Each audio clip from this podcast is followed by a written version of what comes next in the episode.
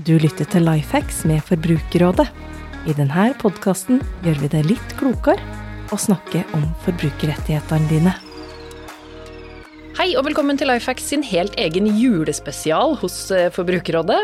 Denne spesialsendinga skal handle om noe så julete som gaming og spillrettigheter. For jula den er som kjent tid for å slappe av og nyte fritida for mange av oss, og da sitter det veldig mange både store og små rundt om i det ganske land foran PC, TV eller nettbrettskjermer og gamer.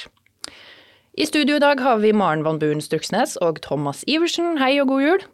Hei, hei. God jul. Med oss i dag så har vi også forbrukerpolitisk seniorrådgiver Ailo Krog Ravna. Hei, hei. Hei, hei. Du Ailo, du er med oss i dag fordi du har jobba veldig mye med spill og spillrettigheter her i Forbrukerrådet. Kan ikke du si litt om noe av det du har jobba med her hos oss?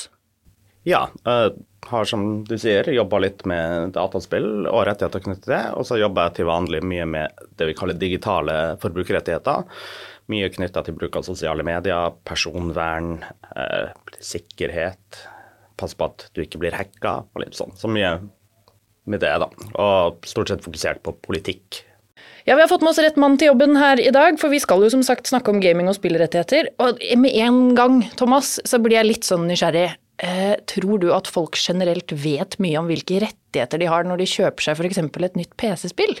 Veldig mange er jo ganske bevisste på hvilke rettigheter de har, men det knytter seg jo ofte til når man kjøper eh, ting, enten på nett eller, eller i, i butikk. For digitale kjøp, ting du enten laster ned eller strømmer, så er det jo mindre eh, rettigheter, altså lovfesta rettigheter, enn en andre steder. Noe som gjør at det er vanskeligere for, for, deg og meg og for vanlige forbrukere å få oversikt over hva som faktisk eh, gjelder. Heldigvis så finnes det jo fortsatt noe regulering, og for spill så har du f.eks. Eh, angrettsloven, som i noen tilfeller kan, kan gjelde. Og Eh, fra og med nyttår så kommer den nye digitalytelsesloven. Den gir deg forbrukerrettigheter når eh, f.eks. spill ikke er som, eh, som lova. Så da vil det bli lettere å være forbruker også i spillmarkedet. Det er kjempespennende, og det skal vi nok høre litt mer om eh, litt lenger ut i, i sendinga. Men det høres ut som at vi må hjelpe til å rydde litt opp her da, og klargjøre hvilke rettigheter folk faktisk har. Så hvis vi tenker oss et scenario, kanskje du har fått et spill til jul nå, eller kjøpt et på en sånn spillplattform som Steam f.eks. I forkant så har du sett trailere og markedsføring eh, som ser helt fantastisk ut. Men når du setter i gang spillet, så blir du superskuffa.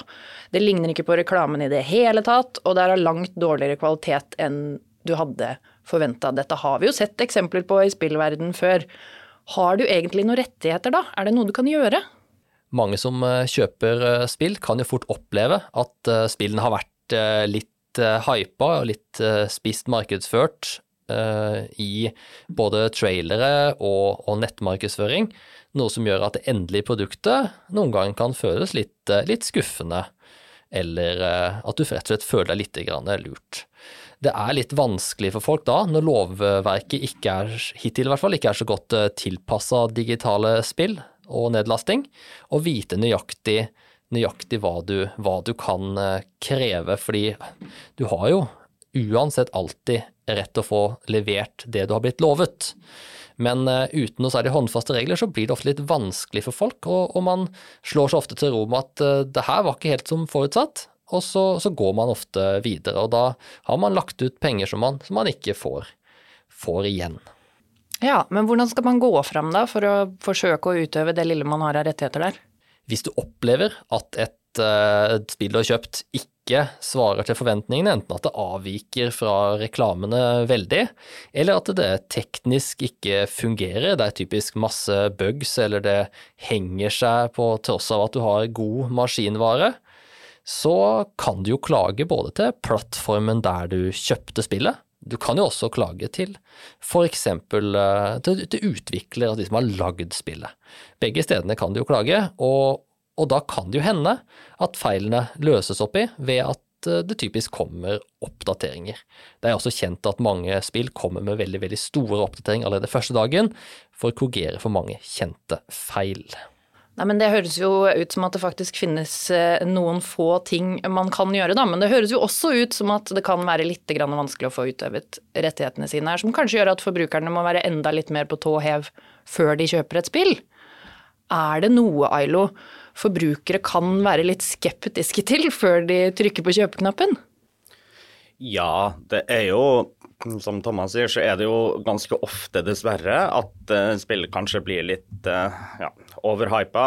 Lever ikke helt opp til forventningene. Solgt inn som noe det kanskje ikke er. Uh, ofte så vil jeg jo være veldig varsom med å bestille et spill før det har kommet ut. Å forhåndsbestille et spill, da har du ofte dessverre låst deg litt til kjøp. Det varierer litt fra plattform til plattform. Men da er på en måte pengene fort borte, og når spillet kommer ut, så kan du fort sitte med skjegget i postkassa, da. Eh, ofte, dessverre, ser vi òg at anmeldelser fra spillanmeldere f.eks. på nye spill blir holdt tilbake frem til spillet faktisk kommer ut. Sånn at du ikke får noen indikasjon før spillet er på markedet, om det er bra eller ikke. Så beste tipset er vel å ha litt is i magen, vente til spillet har kommet ut. Lese litt brukeranmeldelser. Og Kanskje hvis det finnes en gameplay-demo, prøve å spille det litt sjøl. Eller hvis du er på Steam, så får du jo to timer da, til å prøve spillet først, som også kan være en god idé. Så rett og slett ikke forhåndsbestill, er det du sier? Det stemmer. Det er generelt et godt tips. Mm. Thomas, noe mer som dukker opp i hodet ditt på hva vi skal tenke på før vi går til innkjøp? Jeg er jo enig med Milo om at eh, det ikke er nødvendig egentlig forhåndsbestille et eh, digitalt spill. Det er jo snakk om digitale kopier, så det går jo ikke tom, for å si det på den måten. Når du forhåndsbetaler og forhåndsbestiller, så, så vil du ofte få litt ekstra tilbehør eh, inne i selve spillet. Det er ofte eh, ting, altså digitale gjenstander, du egentlig ikke har noe spesielt bruk for, så her kan det jo egentlig være like greit å, vente til lanseringsdagen med å, med å bestille. Du får uansett lastet det ned og spilt det ganske raskt uansett. Da har vi tatt for oss selve kjøpet av spill. Men så er det jo sånn i spillenes eh, verden at eh, det er ikke bare selve spillet du kjøper. For du kan jo kjøpe masse greier inni alle disse spillene. Det være seg skins eller våpen eller pakker med virtuelle fotballkort for de av oss som spiller eh, Fifa. Her ser jeg for meg at det kan være ganske greit mye for forbrukere å tenke på før de drar kortet inne i denne virtuelle butikken, Thomas. Ja, det er jo kommet uh, mer og mer uh, både virtuell valuta og, og kjøp inni, inni, spillenes egne butikker. Det er noe som har blitt en utvikling vi har sett i løpet av de, uh, de siste i hvert fall ti årene, og bransjen kaller dette for mikrotransaksjoner. Jeg minner innrømme at jeg ikke liker det ordet mikrotransaksjoner noe, noe særlig. Det er ingenting mikro Eh, med et kjøp som kan koste flere hundre kroner per enkelttransaksjon, og der du kan bruke mange, mange tusen på én spillsesjon. I tillegg så er jo virtuell valuta, altså eh, valuta som spillet selv lager, enten det er eh, virtuelle mynter eller andre typer valuta, noe som er med å lage en barriere mellom den, det du faktisk betaler og det det koster i kroner og øre. Dette er snakk om veldig dyre gjenstander og ting du kan kjøpe inni spillet. Så her er det viktig å være bevisst på, på det forbruket, for uh, som vi vet, uh, Ailo, så er mange av spillene designet sånn at de skal lede deg inn i selve butikken. Ja, uh, jeg har jo gleden av å til og med ha fått betalt for å spille Fifa som en del av vårt prosjekt på Lootboxes. Og i den forbindelse har jeg også åpna en del uh, lootboxes. Uh, Fifa kortpakker. Uh, du skal Du må åpne mange pakker for å henge med hvis du skal spille mot andre i Fifa, og du må som regel åpne vanvittig mange pakker for å få noe som kan si er verdt å få, da. Så hvis du åpner en del pakker og får en del gode spillere, og jeg ikke gjør det, så vinner jo du mot, mot meg. Ja, nå er det jo et, et, et visst eh, sånn skill-nivå som skal til òg, men ja, du har en vanvittig fordel hvis du er litt heldig eller bruker veldig mye penger på kortpakka. Så det vil jo motivere meg til å kjøpe litt eh, ekstra for å kanskje komme opp på samme nivå som deg, særlig hvis jeg har dårligere skills enn deg eh, i første omgang. Altså, det at jeg er dårligere til å spille, gjør at jeg blir motivert mer til å, til å kjøpe for å faktisk kunne klare å vinne. Absolutt, og så ser vi jo at du kanskje fort da, når du skal spille online mot andre, så blir du kanskje matcha og plassert i spill sammen med folk som har brukt mye penger. Sånn at du ser at oi, hvis jeg bruker litt mer penger, så kanskje jeg òg kan få et godt lag da i Fifa. Det er mange mekanismer som driver forbrukere mot å bruke penger, altså inne i spillene. Ja, og det er viktig å huske at eh, mange av disse spillene her retter seg også mot, eh, mot barn og unge. Fifa for eksempel, eh, veldig veldig populært fotballspill, har jo en anbefalt aldersgrense på, på tre år. Og det betyr jo at alle egentlig kan, kan spille det. Fifa som et fotballspill er jo verken skummelt sånn grafisk sett, eller noe sånn spesielt vanskelig sånn rent mekanisk. Alle kan spille et fotballspill, og, og de fleste kan, kan reglene i, i, fotball. Men her får du altså uh, butikken inni, inni Fifa, der du kan kjøpe virtuelle fotballkortpakker rett i fleisen når du sitter og spiller, og det, det syns vi er kritikkverdig. Vi brukte et uh, veldig fancy ord her i stad, vi snakka om lootboxer. Uh, Forbrukerrådet ga jo ut en rapport tidligere i år om uh, dette fenomenet, men kanskje for den som ikke har spilt så altfor mye, kan dere forklare hva en lootbox er for noe? Ja, en lootbox er en slags mysteriepakke som du kan kjøpe i spill. som regel for ekte penger, eller det vi kaller virtuell valuta, som er da f.eks. mynter eller diamanter som du kjøper for ekte penger, som du da kan bruke i spillet på å f.eks. kjøpe en lootbox. Og når du åpner en sånn mysteriepakke, så vet du ikke hva du kan få. Eh, som regel vil det f.eks. i Fifa vil det kunne være en spiller eller en fotballdrakt eller en ny stadion du kan spille i. I andre spill kan det være skins, drakter til karakterene dine eller lignende. Men hovedpoenget med begrepet lootbox er at du ikke vet hva du får før du har betalt. Du aner ikke hva som er inni denne boksen før du har betalt for den og trykka på åpne-knappen? Det stemmer. Ja, men da skjønner jeg jo kanskje at i den rapporten vår eh, så kom vi fram til at det var en del problematiske sider ved disse lootboxene. Hva er på en måte de største utfordringene vi ser? Det største problemet med, med lootboxer eller sånne mysteriepakker er jo markedsføringa generelt, for der har vi jo eh, design i den markedsføringa der du blir leda inn og motivert til å, til å, kjøpe, enten ved at spillet er bygd opp rundt disse, disse kjøpene, eh, på en sånn måte at eh, du nesten uten at du, du merker det sjæl, får lyst til å, til å gjøre, et, uh, gjøre et kjøp. I tillegg så er det jo flere andre eh, ting ved lootboxer som er litt forvirrende. Det er jo eh, som regel sånn at du kjøper disse mysteriepakkene eller lootboxene for virtuell valuta, noe som er med på å kamuflere hva de faktisk koster i kroner og øre. I tillegg så er det ofte vanskelig å få litt tak på hvordan vinnersjansen er, og fordi gjennomsnittspersonen ikke syns sannsynlighetsregning verken er enkelt eller gøy, så, så er det enda vanskeligere å, å få vite hva du egentlig kjøper. Hvordan er det med disse vinnersjansene, Ailo? Er det noe sånn gjennomsiktighet her? Er det lett for forbrukeren å skjønne hvor stor sjanse man faktisk har til å få noe ålreit i disse boksene? Det varierer fra spill til spill. Eh, jeg kan jo komme tilbake til eksempelet Fifa. Der oppgir de en slags eh, sannsynlighet. Du får en prosent av sjanse for å få så og så gode kort. Men som vi har skrevet om i vår rapport, så er jo de i beste fall ganske villedende, de tallene du får der. Eh, og når du da f.eks. oppgir at du har 1 sjanse for å få et av de bedre kortene, så tenker kanskje eh, de fleste at ja, hvis jeg åpner 100 pakker, så er jeg garantert å få en. Eh, og det stemmer jo ikke. Sannsynligheten i, i Fifa er sånn at du f.eks. får beskjed om at det er 1 sannsynlighet for å få eh, et av de 13 eller 12 eh, beste, beste kortene. Og da er det lett å tenke at det er like lett eller vanskelig å få eh, et av de kortene som det er å få et annet, men her er det faktisk gjort forskning.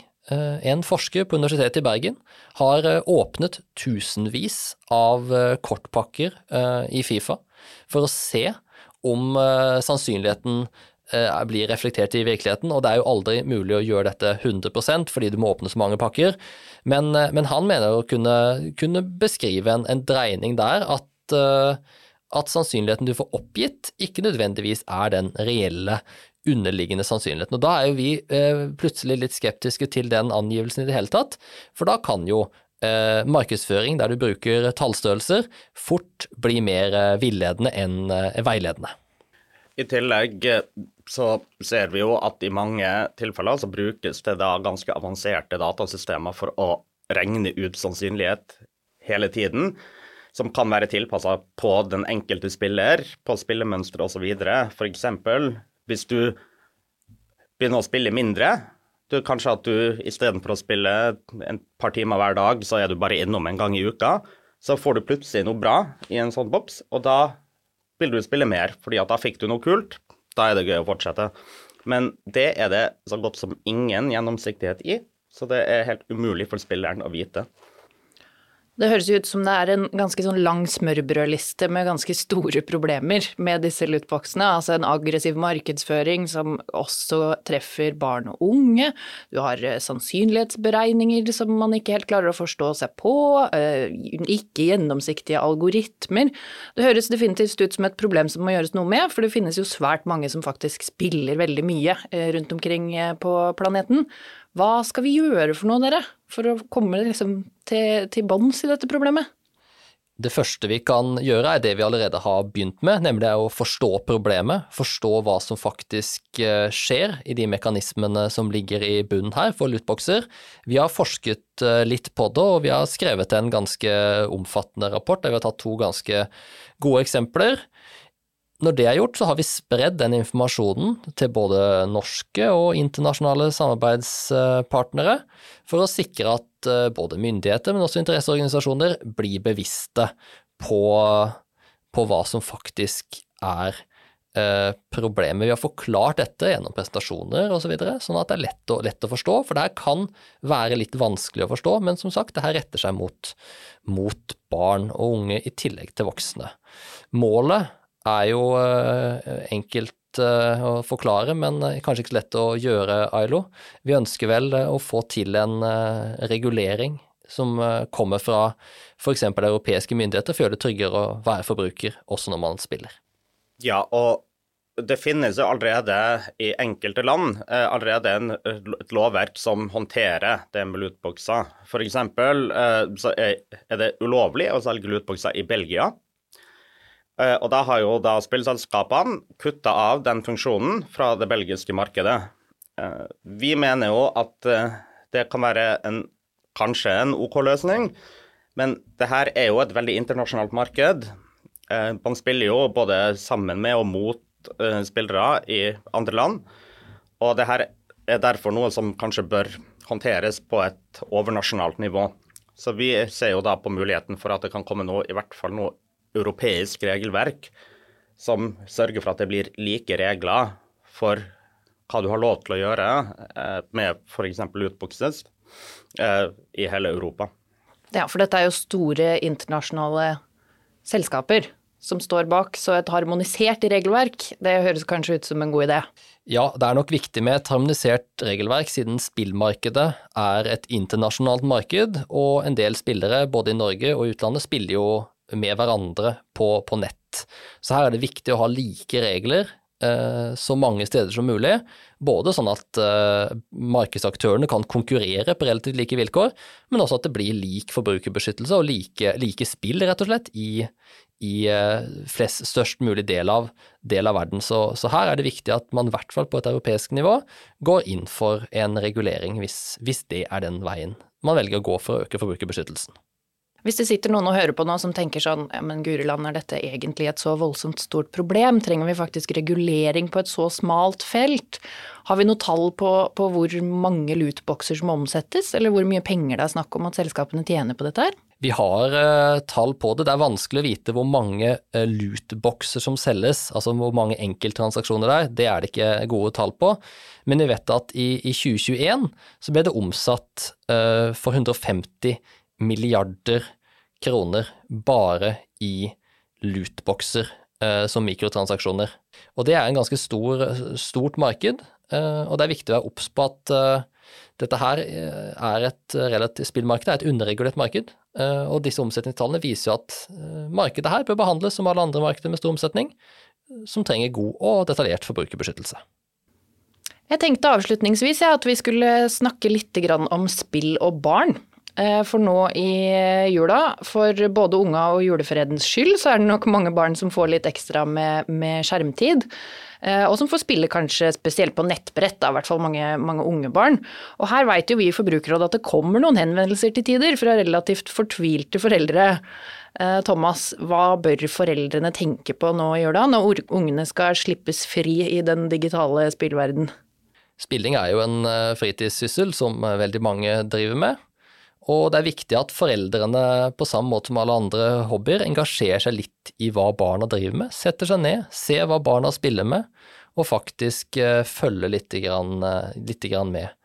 Det å involvere seg gjør at du lettere også kan både sette grenser når det gjelder spilling, men også at du, du ser eventuelle risikoer. En del eh, spill, særlig gratisspill, har jo veldig, veldig mye reklame inni seg.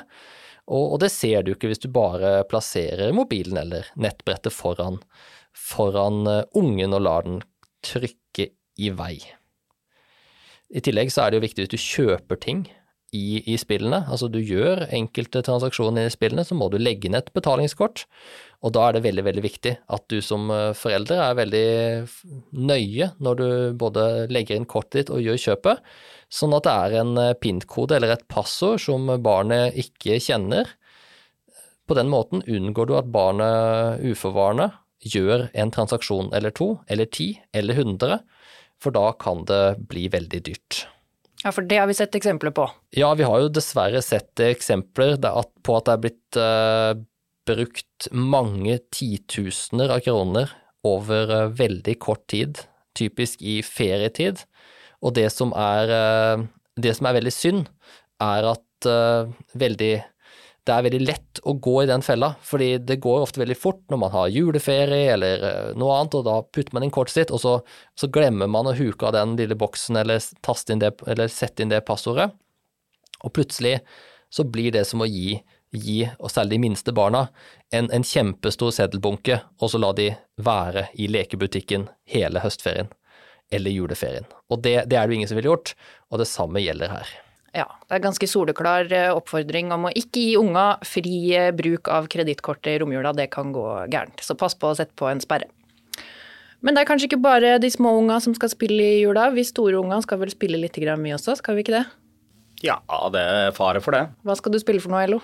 Eh, jeg tenkte jeg skulle spille litt Dying Light 2, som er et skrekkspill. Og så tenkte jeg å prøve meg på et nytt spill som heter Pentiment, som er et rollespill Hørtes artig ut. Thomas, skal du bruke litt eh, mer av romjula på spilling? Ja, jeg har eh, planlagt å bruke litt av romjula på, på, spilling. Jeg har eh, lagt klar Cyberpunk, et spill som kom ut for et par år siden, men som ikke har fått begynt på ennå. Det var også en del feil ved det spillet da det kom, men nå har det blitt ganske bra. Så det gleder jeg meg til å begynne å spille. I tillegg så tenker jeg å spille litt uh, online på storspillet Elden Ring.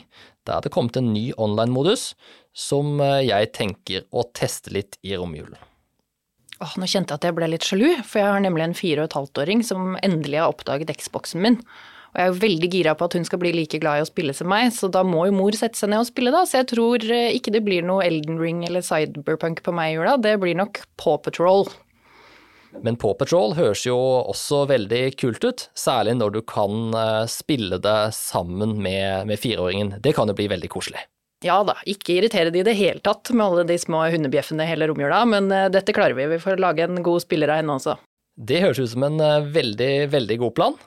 Da gjenstår det egentlig bare å si fortsatt god spillromjul, og tusen takk for at dere var med i vår spillspesial, Thomas og Ailo. Bare hyggelig. Bare hyggelig. God jul. Og godt nyttår. Takk for at du hører på Lifehacks. Du får nye episoder fra oss annenhver uke.